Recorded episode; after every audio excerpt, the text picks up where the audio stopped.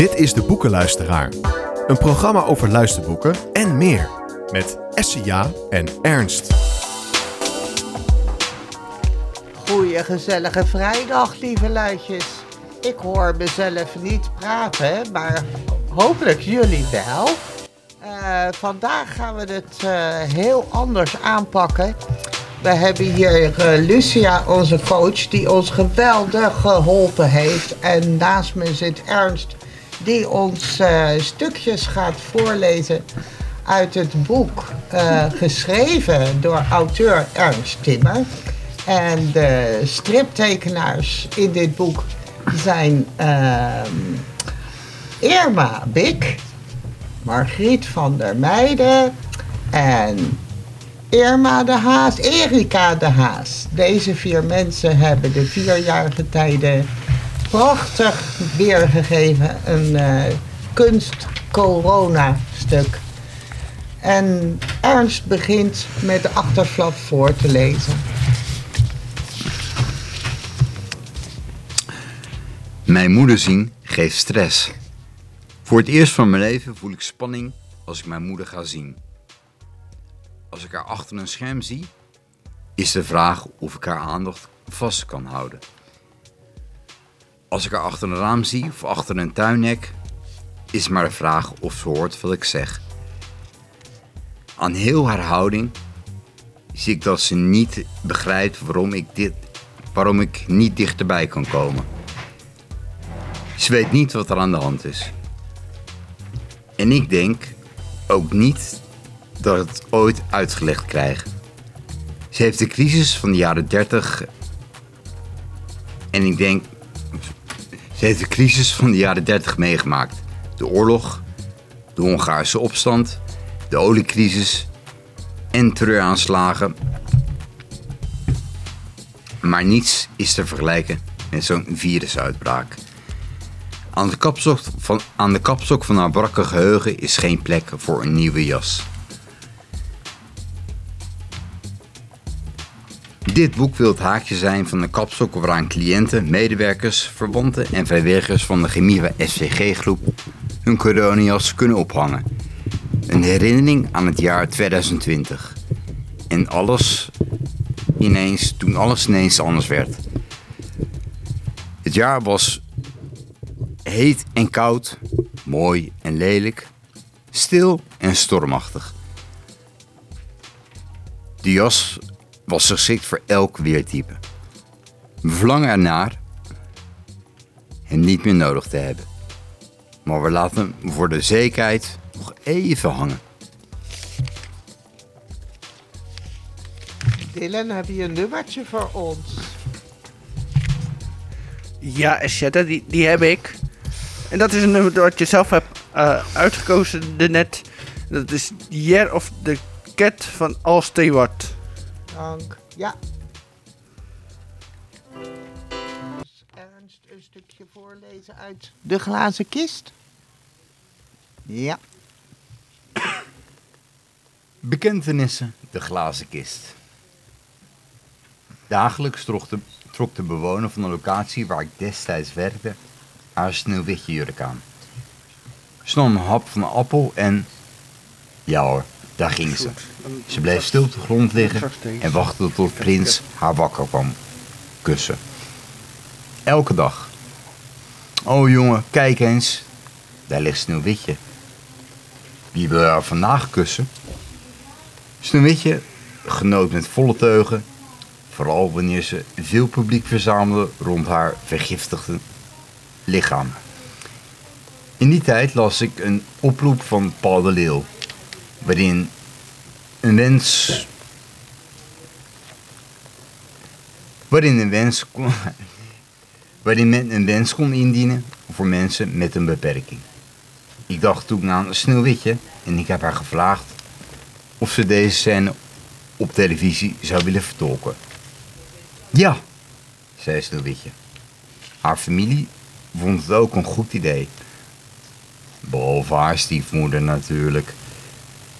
Om Paul de Leeuw in haar scène de rol van prins te laten spelen. Enige tijd later werd ik gebeld door een medewerker van dat programma. Sneeuwwitje... Sneeuwwitjes wens was uitgekomen. Toen ik haar dit vertelde, was ze helemaal in de wolken en vertelde het nieuws aan iedereen. De grote dag brak aan en wij gingen met haar, moeder en tante naar de studio.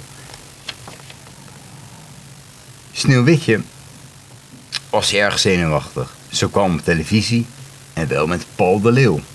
In de studio werd ze als een. In de studio werd ze als een ster onthaald. Speciaal voor haar, voor haar optreden hadden ze een glazen kist gemaakt. Na het hapje uit de appel moest ze daarin gaan liggen. Het was een prachtig glazen kist. Waar de decorbouwers erg trots op waren. Maar Sneeuwwitje kreeg sterallures. Ze weigerde in de kist te gaan liggen. De glazen kist was een onderdeel van de scène die ze dagelijks bij ons speelde. Ze lag altijd op de grond en zo moest, ze, en zo moest dat dit keer ook gaan. Goede raad was duur. Eigenlijk goedkoop. De mooie glazen kist werd weggedragen.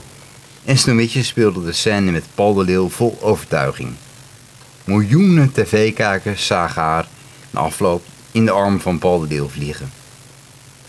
Moe maar voldaan zijn we naar huis gegaan.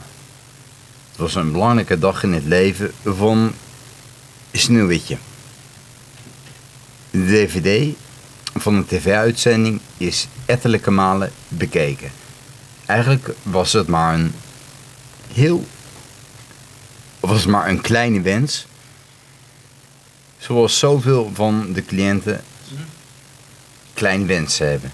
Soms valt zo'n klein zaadje op heel vruchtbare grond en groeit er een prachtige herinnering.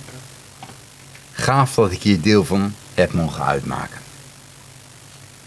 Dankjewel Ernst, heb je mooi voorgedragen. Dylan, welk plaatje past er bij Sneeuwwitje? Heb je die eh, voor de luisteraar? Die zijn we aan het opzoeken, eh, SCA. Oké. Nou, dan eh, ga ik ondertussen mijn wens vertellen. Ik zou graag als, ehm als assenpoester bij Monier Samuel op de bank gaan zitten. Maar ja, dat gaat nog even duren. Dus Ernst, ik ga bij jou aanschuiven als assenpoester. Vind je dat goed? Ja, dat vindt hij Prima. goed. Ja. Maar eerst het nummer van Sneeuwwitje. Hebben we die? Ik ben hem nog, nog steeds aan het opzoeken. Oké, dan gaan we over naar het sprookje Doornroosje. Wat doet Doornroosje? Ik hoor iets aankomen. Is dat het nummer, Dylan? Nee, we gaan een nummer draaien van Fast Care. Oké. Voor de luisteraar, hier is...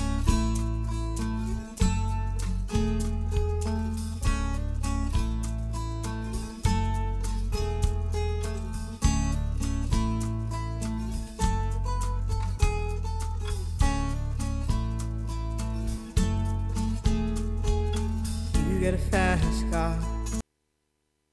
Hallo luisteraar. Welkom bij de Boekenluisteraar. We hebben vandaag een, eh, een apart eh, uurtje. Eh, we behandelen sommige stukjes van, van het jaarboek 2020 van Ernst Timmer, Irma de Haas en Irma Bik en Margriet van der Meij als striptekenaars. En nu het stukje bekentenissen van muizen en slangen door Ernst gelezen. Als jobcoach komen we in allerlei bedrijven om cliënten te begeleiden op de werkplek. Als de situatie in het bedrijf het toelaat, werken we cliënten in en werken we mee op de werkvloer. Zo ging het ook bij Sam. Sam ging in een dierenwinkel werken en ik zou hem met de eerste ochtend meewerken. Een van de taken was het schoonmaken van de kooien waar de muizen in zaten. Om de kooien schoon te maken moest Sam de muizen verplaatsen. De werkgever legde uit dat je ze aan de staart moest optillen, moet optillen en in de andere kooi zetten. Sam probeerde dit, maar kreeg het niet voor elkaar. De muizen waren hem te snel af. Sam zei toen: Jij bent de jobcoach, dus jij moet het voordoen. Ik haalde heel diep adem, pakte een muis en wierp hem in het andere hok. Ik vond het doodeng. Sam moest lachen. Mijn angst gaf de moed om hem om het zelf nog eens te proberen. En ja, en ja het lukte hem. Hij had meer lef en ik had daar duidelijk plezier in. Een aantal weken later hadden we een evaluatiegesprek. Dat vond plaats in de huiskamer van de werkgever die naast de winkel lag.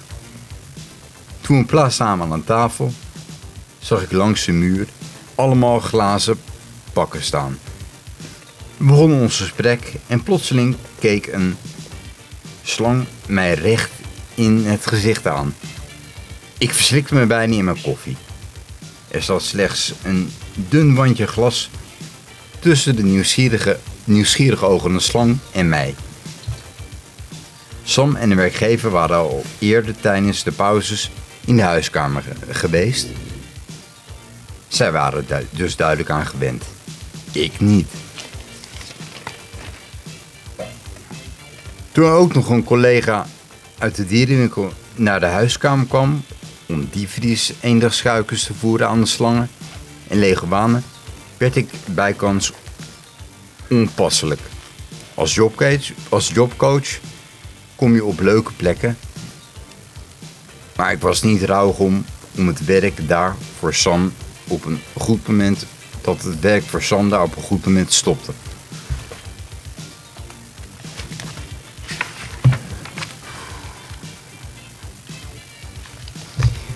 Dat was een prachtige bekentenis.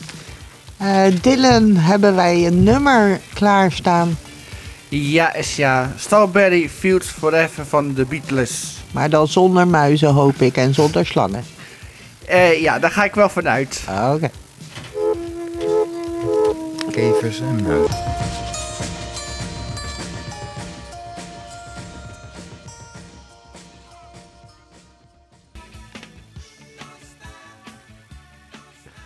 Hallo luisteraars. Ja, dit is de song wat Ernst eh, en ik hebben uitgekozen voor het coronajaar. Het coronalied COVID-19. Don't stand so close to me. Sta niet zo dichtbij, alsjeblieft. Afstand houden. Maar nu een, een stukje voorgelezen door Ernst. De kuip van een vliegtuigje. Bekentenissen. De Kuip vanuit een Cessna. Het is een jaar of 15 geleden. Ik leerde jou, René, kennen. En toen jij niet zo lekker in je vel zat. Ik mocht je één op één begeleiden en wij kregen een band. Dat zag ik aan je fonkelende ogen. Jij wilde graag vliegen en wij waren allebei Feyenoord-fans. De keuze voor een uitstapje was snel gemaakt. 16 over was in de buurt en wie weet, ik pakte de telefoon en ja een aardige man aan de andere kant van de lijn wilde ons wel een ro- rondvlucht geven. Bijna Rotterdam. In de auto galmde het prachtige geluid van Michael Jackson. Met je paspoort in de hand gingen we door de controlepoortjes om vervolgens op het platform in een echte Cessna te stappen. Voorin naast die piloot. Naast die piloot. Je glunderde. Ik achterin op de tweezitsbank. Die ze uit een lelijk eentje gehaald zou kunnen zijn. De motor ging aan en op weg naar de startbaan. We gingen sneller en sneller. Ik hield me aan alle kanten vast. Het leek alsof ik er zo uit zou kunnen vallen. Jij had ergens, jij had nergens last van. Jij zat te genieten. Met koptelefoon en grote glimlach. We kwamen van de startbaan los. Het was prachtig om. Het was prachtig weer en jij kon alles goed zien. Op weg naar Rotterdam Zuid vlogen we nog twee rondjes over het huis van je moeder. We konden haar bijna zien zitten. Ook de kuip was prachtig. Alle lichten waren aan. Jouw voetballers waren aan het trainen op het veld. Je kon er niet genoeg van krijgen. Oh, wat vond je het mooi. Jouw clubpie zo van bovenaf te zien. Is niets mooiers. Op de terugweg nog even naar moeder zwaaien, die net in de keuken stond. Terwijl jij de stuurknuppel van de piloot had overgenomen. Jij zette Cessna met een zachte landing aan de grond. Op weg naar ons vakantieadres op de Veluwe genoot je weer van je favoriete Michael Jackson.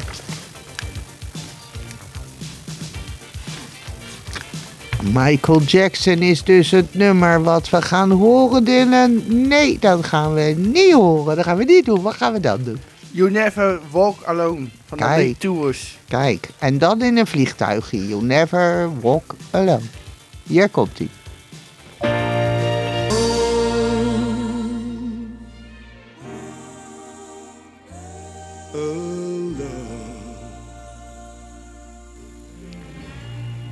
You Never Walk Alone van Lee Towers.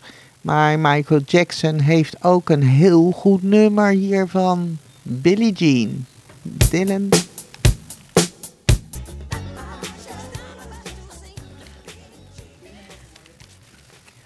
Luisterende luidjes, wij hebben als, eh, als slot bij de boekenluisteraar de visie van Gemiva SVG groep in 20 stappen. Maar we hebben nog maar de tijd voor één stap.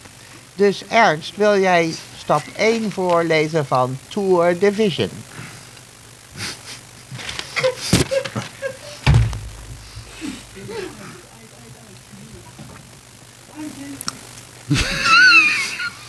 En eh, Tour Division gaat over de 20 stappen van Gemiva SVG groep.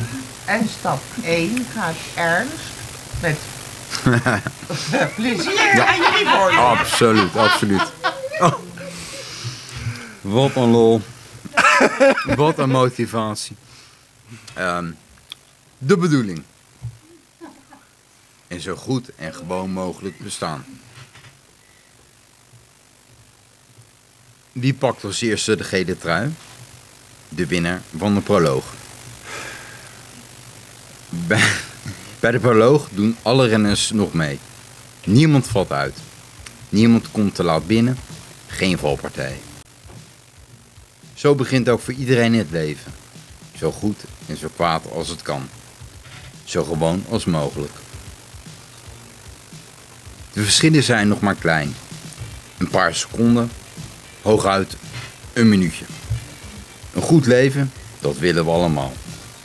Alle renners willen een goede toer rijden. Maar wie wil- er nou een goed bestaan? Een gewoon bestaan.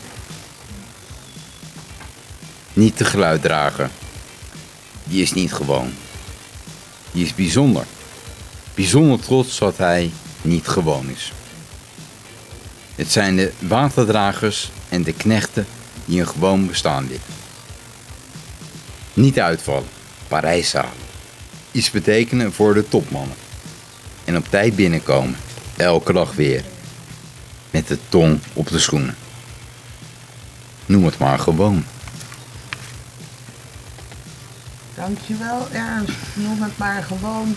En noem ons bij Radio Gemiva maar gewoon. Doen we al gek genoeg? Dan doen we al gek genoeg. En we hebben er plezier in ook. Dank jullie wel. En dit was de boekenluisteraar met Ernst en Esja. En straks gaan we luisteren naar Music Girl. Veel plezier straks en wij gaan dansen. Dankjewel Dylan. Graag gedaan, Essia. En eh, tot volgende week. Tot volgende